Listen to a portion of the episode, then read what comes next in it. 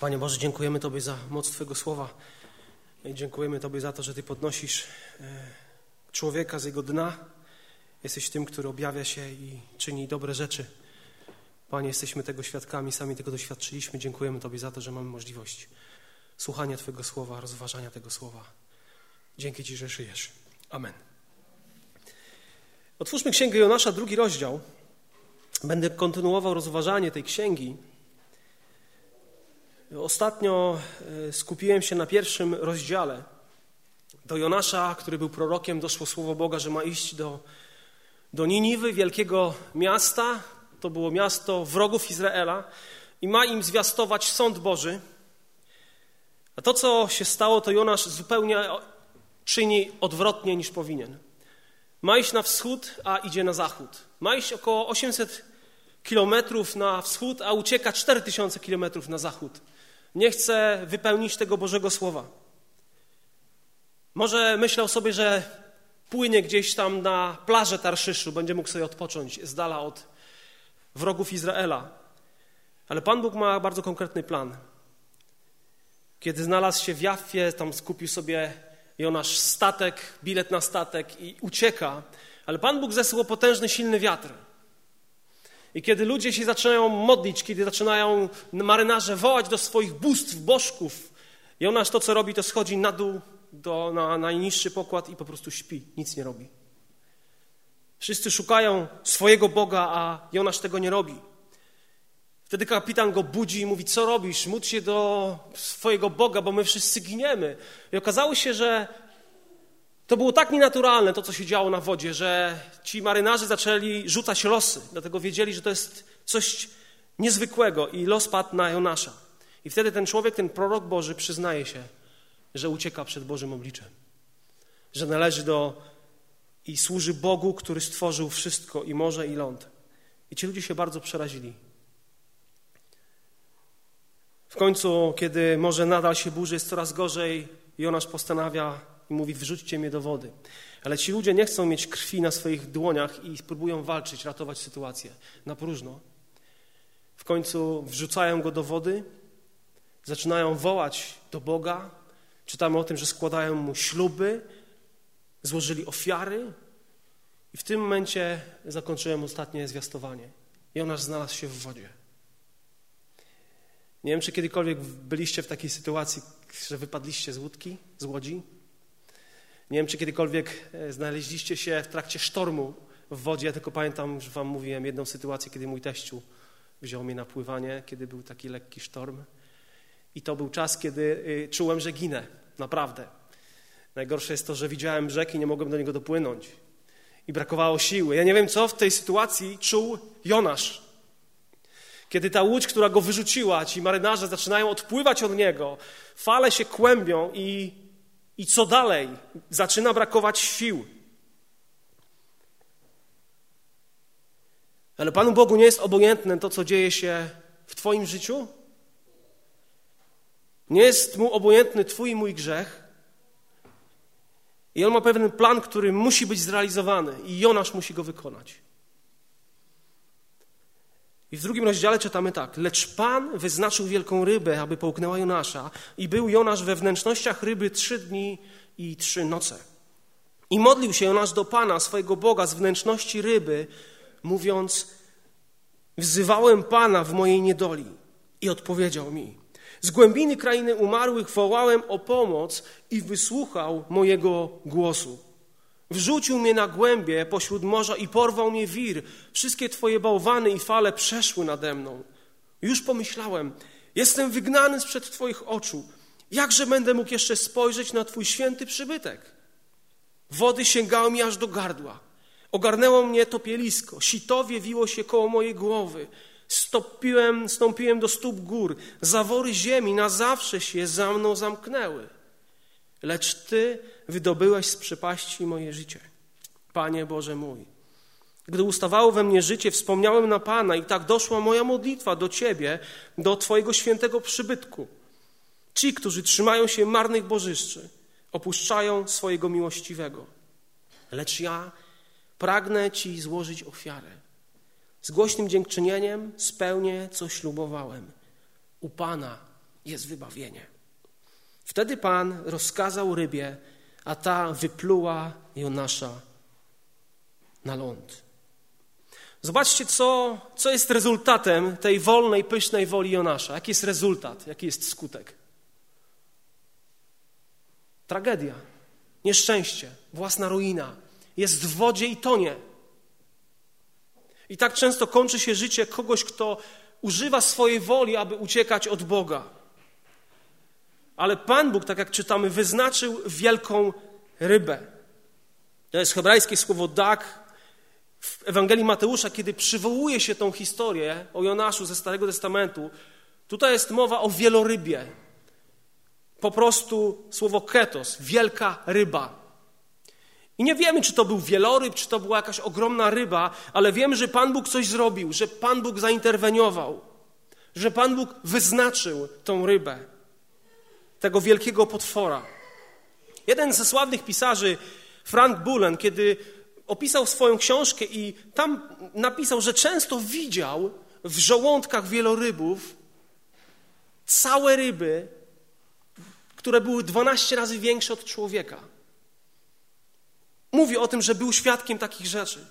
Wielka ryba, czy to był jakiś wielki rekin, nie wiemy.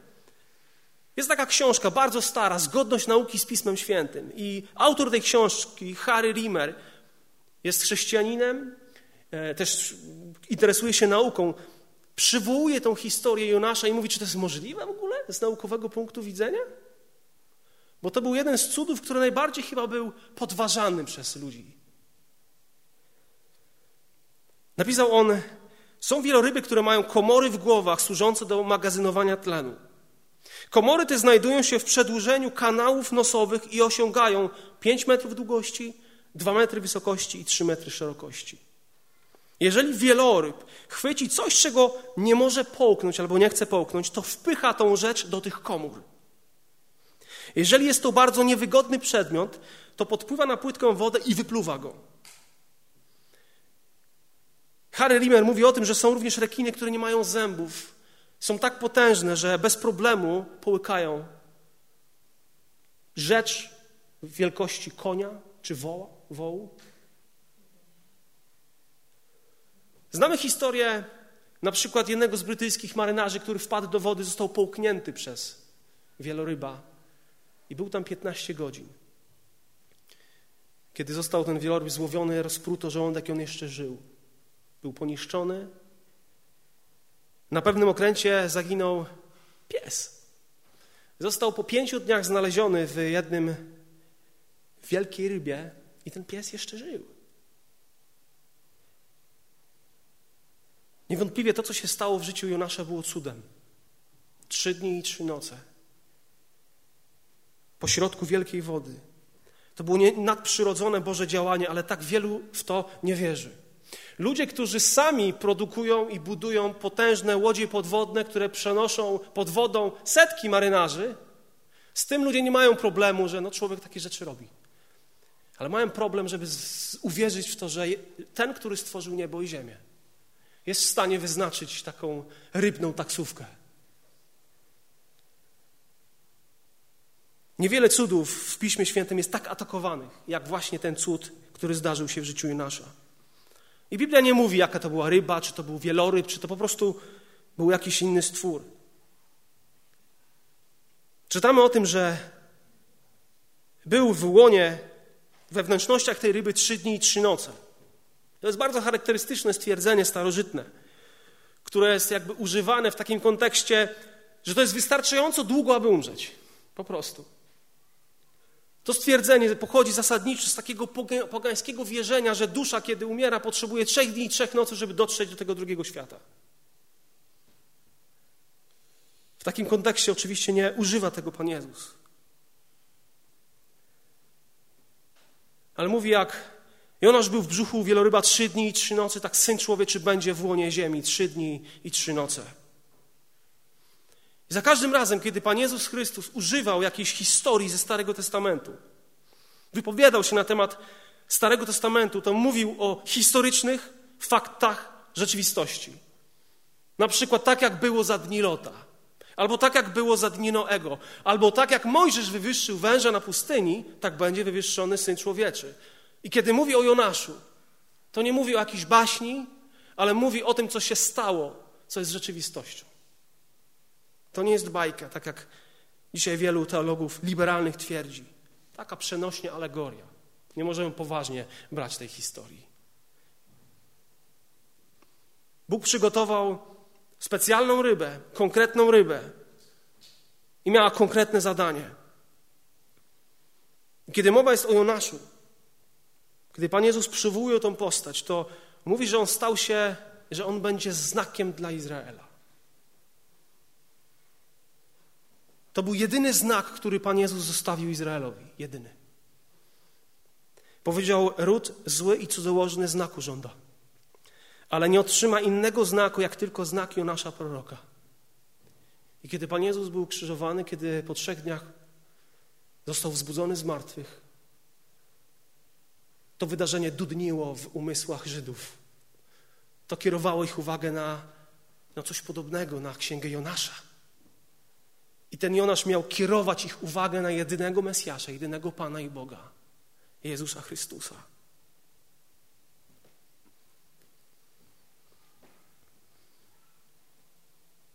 Jonasz jest we wnętrznościach ryby. Na początku jego życie to jest bunt, brak jakiegokolwiek pohamowania, brak, brak jakiejś dyscypliny, po prostu ucieka, buntuje się, ale zaczyna powoli iść w kierunku pokuty i w kierunku poświęcenia się Bogu, ponownego poświęcenia się Bogu. Wyobraź sobie, że jesteś na środku wody, giniesz i w pewnym momencie coś się dzieje, czego nie rozumiesz. Nagle jest ciemno, coś ciebie zjadło, gdzieś jesteś w jakimś dziwnym miejscu. I myślę, że sobie po pewnym czasie do Jonasza doszło to przeświadczenie, że Bóg go oszczędził, że on żyje, że jego serce bije. Dlaczego tak się stało? Z powodu Bożej dobroci. Z powodu Bożej dobroci i Bożej łaski. I kiedy czytasz ten drugi rozdział, to widzisz pewne etapy duchowe Jonasza. Widzisz, że to, co ta jego modlitwa, to jest jakiś, jakiś psalm dziękczynny.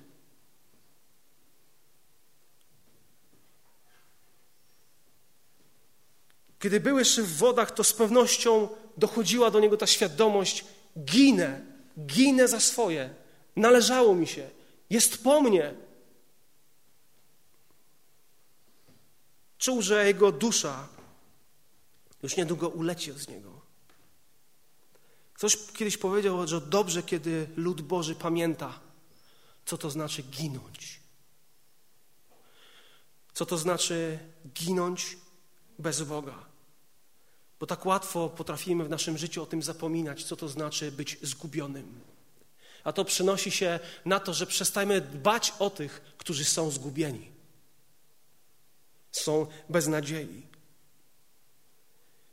I być może Pan Bóg chciał mu coś pokazać. Ty giniesz, ale również to wielkie miasto Niniwa również ginie. Nie ma nadziei beze mnie. A ty uciekasz. Ludzie giną. Niniwa ginie.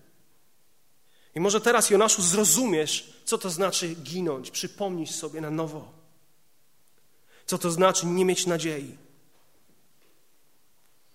Co to znaczy, że człowiek jest bezradny bez Boga.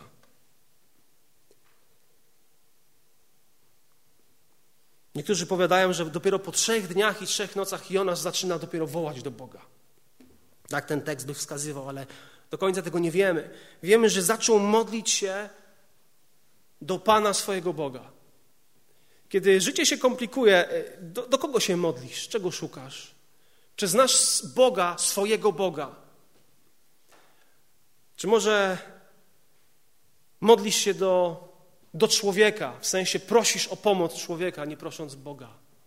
Szukasz wszystkiego innego, jak nie, a nie tylko, a nie, a nie Boga. Zobaczcie, w jakiej sytuacji modli się Jonasz. Kiedy się modli? Kiedy zaczął ginąć, kiedy było mu bardzo źle, kiedy problemy mu się zwaliły na głowę. Zaczyna wołać. A gdzie jest? Jest w brzuchu ryby. To jest niezwykła wiadomość, że nawet w tym miejscu można się modlić do swojego Boga. Nawet we wnętrznościach ryby można wołać do swojego Boga z tą świadomością, że ten, który stworzył tą rybę, stworzył tego wieloryba, słyszy. On jest tym, który mnie stworzył. Można odłączyć człowieka wrzucić go do więzienia z dala od ludzi. Można go pozbawić relacji, ale nie można go usunąć od Bożej obecności. Pan Bóg jest wszędzie. On woła do swojego Boga. I on modli się, ale pytanie, czy on modli się z miłości do swojego Boga, czy modli się z powodu cierpienia, w którym się znalazł, z powodu tej beznadziei. Bo przecież znamy to powiedzenie, jak trwoga to do Boga. Znajdujesz się w takim pływającym, żyjącym grobie. Totalna ciemność. Mokro. Brak takiego świeżego powietrza. Ściany tej ryby, gdzieś te wnętrzności musiały na niego naciskać. Walenie lubią się bawić. Lubią sobie koziołkować w wodzie. Może Pan Bóg kilka takich, takich myśli takiej rybce poddał. Czuje się jak w piekle. Sam zresztą o tym mówi. I zaczyna w takiej sytuacji być głodny Boga. Zaczyna poszukiwać Boga. Zaczyna sobie uświadamiać, że mimo wszystko Pan Bóg okazał mu dobroć. Jego łaska jest dostępna dla niego. Kiedy marynarze go wyrzucili, to na pewno w ich oczach był martwy, prawda? W pewnym momencie przestali go widzieć w ogóle. No Pan Bóg, no, ten Bóg, o którym on mówi, no dał mu teraz w kość, no zasłużył. Ale z perspektywy Jonasza było inaczej. On nie umarł, on żył. Żyje w rybie. Jego modlitwa rodzi się z niedoli i pewnie nie z miłości. Woła do Boga, ponieważ jest w niebezpieczeństwie, a nie dlatego, że miał upodobanie. Ale lepiej, żeby się modlił z jakiegokolwiek powodu, niż w ogóle się nie modlił. Na początku buntował się przeciwko woli Bożej, a teraz chce ją wykonywać. Teraz chce być w centrum tego, co czyni Bóg. On staje się tym jedynym, Bóg staje się jedynym wyjściem dla niego w tej niebezpiecznej sytuacji. Chce być w centrum Bożej woli. I, i dzisiaj zbyt wielu ludzi postrzega wolę Bożą jako, jako coś i Słowo Boże jako coś, co można sobie przyjąć albo odrzucić. Jak mi się chce, to to biorę, a jak nie, to nie.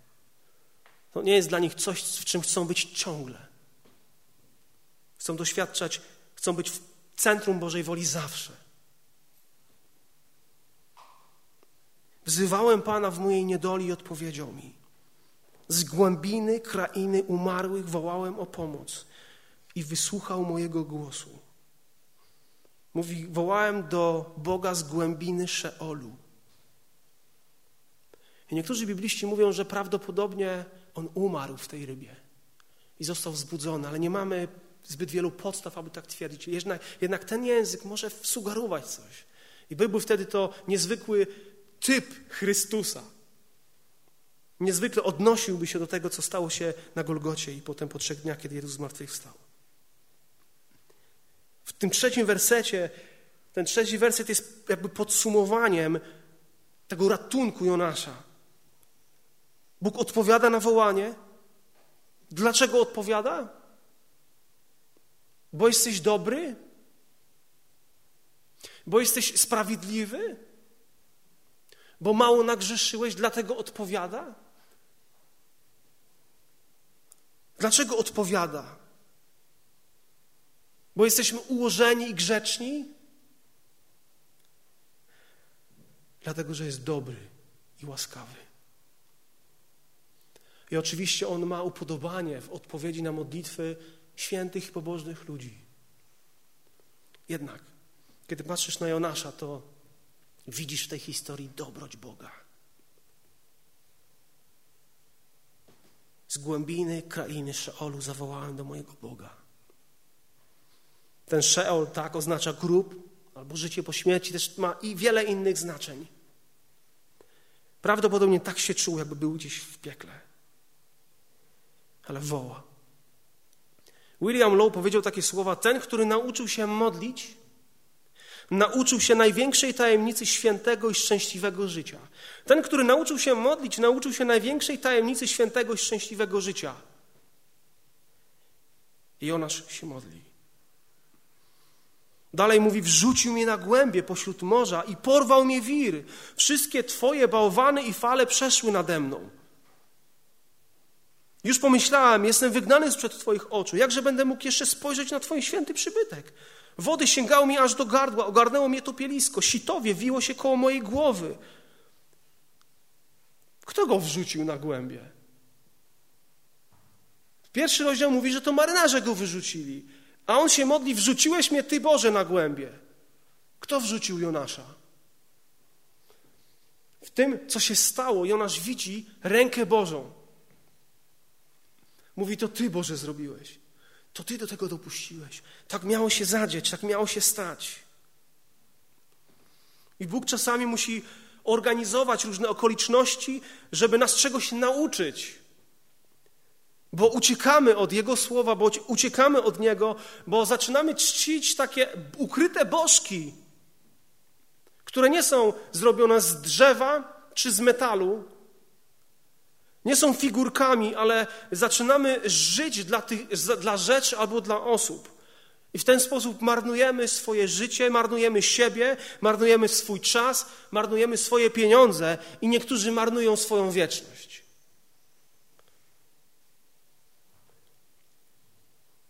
Kiedy mówi, wrzuciłeś mnie na, na głębie, to, to mówi, ja, ja akceptuję to, co robisz, Boże. Ja akceptuję tą dyscyplinę, która teraz spada na moją głowę, to karcenie. On uznał, że Bóg teraz go uczy, dyscyplinuje. I to, jak reagujemy na Bożą dyscyplinę, określa, ile korzyści z niej czerpiemy. Na temat Bożej dyscypliny mówi list do Hebrajczyków. Dwunasty rozdział. To jest rozdział, który mówi o Bożej dyscyplinie. I kiedy ona pojawia się w Twoim i moim życiu z powodu na przykład naszego buntu, to możemy w różny sposób zareagować. Na przykład po pierwsze możemy zlekceważyć Boga i zacząć z Nim walczyć albo przeciwko Niemu. Po drugie, kiedy przychodzi Boża dyscyplina, możesz się zniechęcić i upaść na duchu. Ale Bóg tego nie chce dla Ciebie. Kiedy przychodzi Boża dyscyplina po trzecie, możesz opierać się tej dyscyplinie, ale wtedy przyjdzie kolejna mocniejsza dyscyplina. Przyjdzie kolejna większa fala, która zacznie ciebie zalewać. I być może przyjdzie na człowieka nawet śmierć, który jest, która jest ostateczną formą Bożej dyscypliny. Pan Bóg pozbawia życia swoje dziecko. Albo możesz po prostu poddać się Ojcu. Z tą świadomością, że pojawi się dojrzałość, pojawi się świeża wiara, pojawi się miłość, która będzie rezultatem, skutkiem tego, co się stało w Twoim życiu. Wyciągnęliśmy lekcje, wyciągnęliśmy wnioski i teraz jesteśmy dojrzalsi, więksi dla Niego. I to, że Pan Bóg w taki sposób z nim postępuje, jest dowodem tego, że naprawdę traktuje go jako swoje dziecko. Bo przecież Pan Bóg karci tylko swoje dzieci, prawda? A jeśli jesteście bez karania, które jest udziałem wszystkich, wtedy jesteście dziećmi nieprawymi, a nie synami. Mówi ósmy werset dwunastego rozdziału Hebrajczyków. Po co to robi? Abyśmy później. Jedenasty werset mówi, mogli się cieszyć błogim owocem sprawiedliwości. Ta modlitwa Jonasza jest dziękczynnym psalmem tak naprawdę. Te słowa, które on używa, znajdziecie w różnych psalmach, co najmniej w dziesięciu psalmach. Jonasz z pewnością znał te psalmy. To jest wspaniała modlitwa. Modli się i są pewne frazy z psalmu 120, z psalmu 42, 31, 69, 40, 18, 31 i tak dalej, i tak dalej. Możecie zobaczyć odnośniki.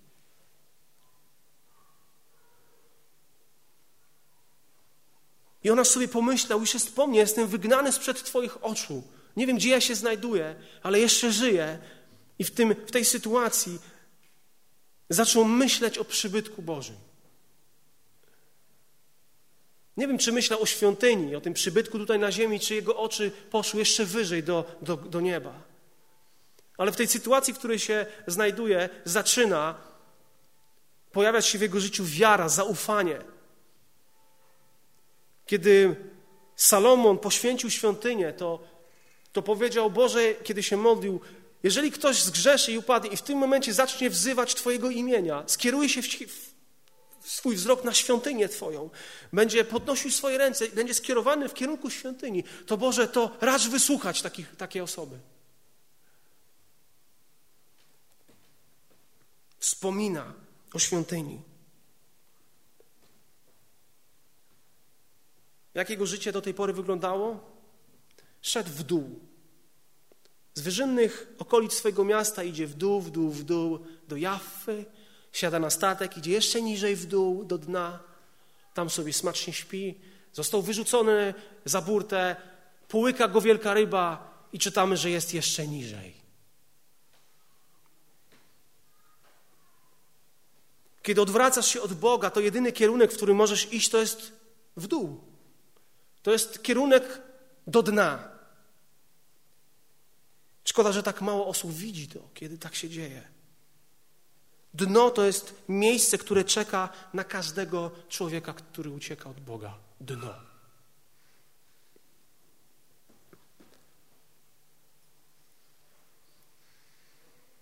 On mówi: Stąpiłem do stóp gór, do podstaw gór. Zawory ziemi na zawsze się za mną zamknęły. Mówi, że ustawało w nim życie.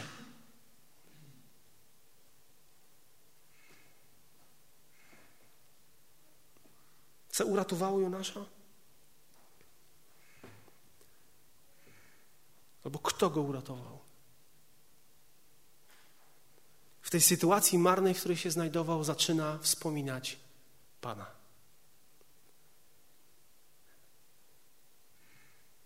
On mówi o swojej niedoli, on mówi o głębi krainy umarłych, czyli Szeolu. On mówił, że był wrzucony do głębi morza, porwał, porwał go wir. Bałwany morskie, te fale, wszystko się przewalały nad nim. Pomyślał, jest wygnany sprzed Bożego oblicza. Zaczyna myśleć o świątyni. Mówi o tym, że wody sięgały mi aż do gardła. Ogarnęło mnie topielisko, sitowie, jakieś szuwary, Wiło się to wszystko wokół jego głowy. Jak, jak on musiał się czuć? Jakie to było okropne. Stąpuje do gór, zawory ziemi, to wszystko, tak to opisuje, tego doświadczał. Ale mój wspomniałem na Pana.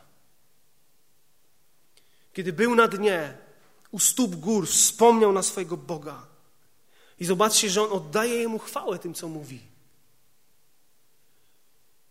On ani o jedno, nie poprosił o żadną rzecz. On dziękuje, on chwali, on stwierdza pewne fakty. Ginąłem, ale ty mnie uratowałeś. Nie mówi, proszę daj, zrób coś, jak mogłeś. On oddaje Bogu chwałę. Rusz się, Boże, nie woła. Pojawiło się zaufanie, wiara, kiedy zaczynał wspominać o swoim Bogu. Wie, że to jest jego jedyny ratunek. I dalej mówi o bożyszczach, o idolach, o bożkach. Bałwochwalstwo jest bardzo niebezpieczne. Dlatego, że Bożek nie może uratować, nie może zbawić, bo nie słyszy, nie widzi, nie czuje. I psalmy mówią o, o tym, że jeżeli czcisz takiego bożka, to stajesz się taki jak on. Ślepy, głuchy, nieczuły, z twardym sercem.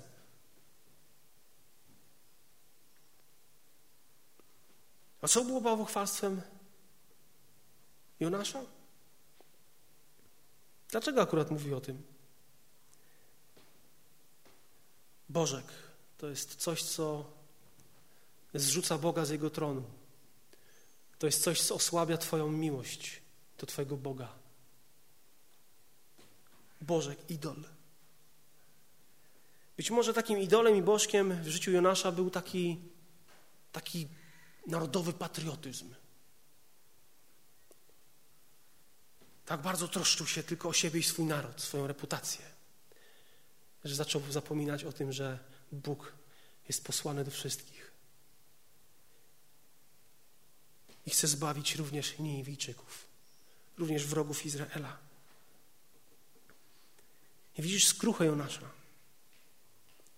Widzisz o tym, że pod koniec swojej modlitwy mówi Boże, ja Ci złożę ofiary z głośnym dziękczynieniem.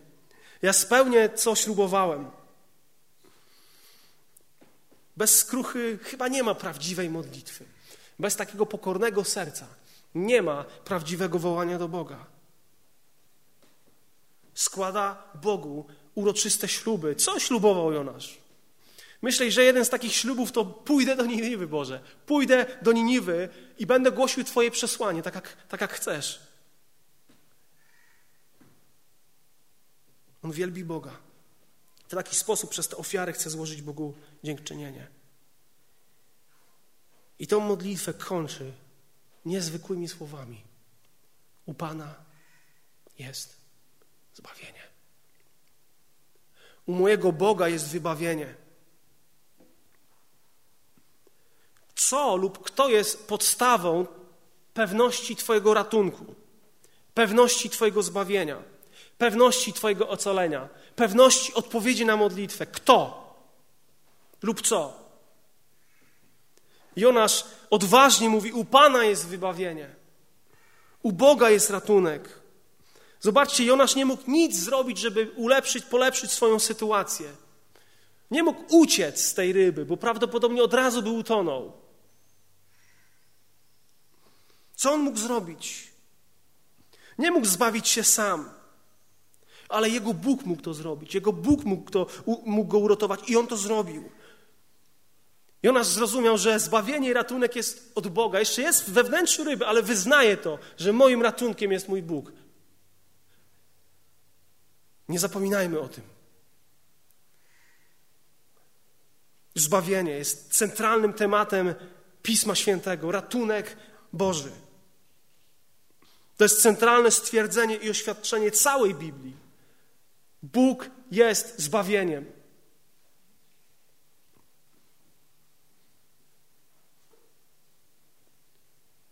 Ono jest zawsze dziełem Bożym dla człowieka. Nigdy zbawienie nie jest dziełem człowieka dla Boga, ale Boga dla człowieka. Zbawienie, ratunek to jest Boże dzieło w stu procentach.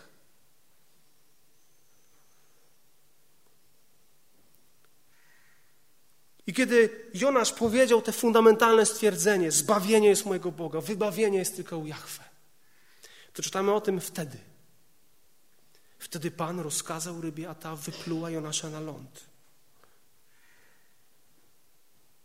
To jest niezwykłe. Sindlow Baxter, mówiąc o modlitwie Jonasza, powiedział takie słowa: W modlitwie Jonasza nie ma ani słowa prośby. Składa się ona z dziękczynienia, pewnej skruchy i ponownego poświęcenia Bogu. To prawdziwy psalm pochwalny, tedeum albo doksologia. Słyszałem o człowieku, który odśpiewał taką pieśń z głową w pustej beczce. Jako wyraz wiary, że Bóg pośle zapasy mąki. Jednak koncepcja odśpiewania doksologii z głową i całą resztą ciała w brzuchu wielkiej ryby na środku oceanu nie ma sobie równych.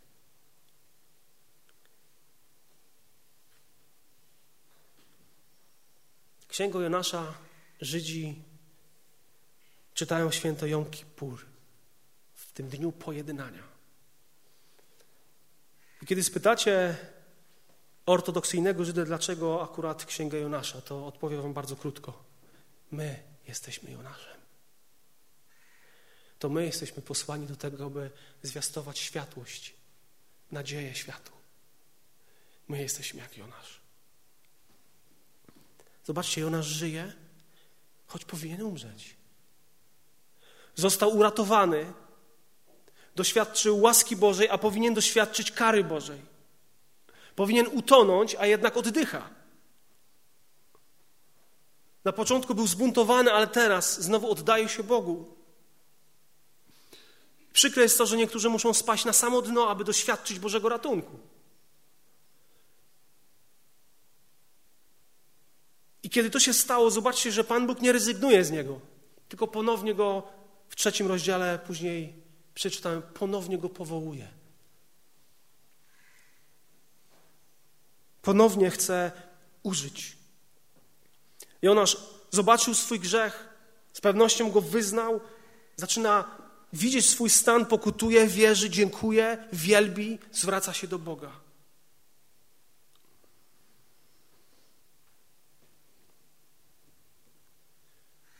I są chrześcijanie, którzy naczelną, najwyższą wartością, najwyższą wartość widzą w wolnej woli człowieka. Gdyby w tej historii liczyła się wolna wola człowieka,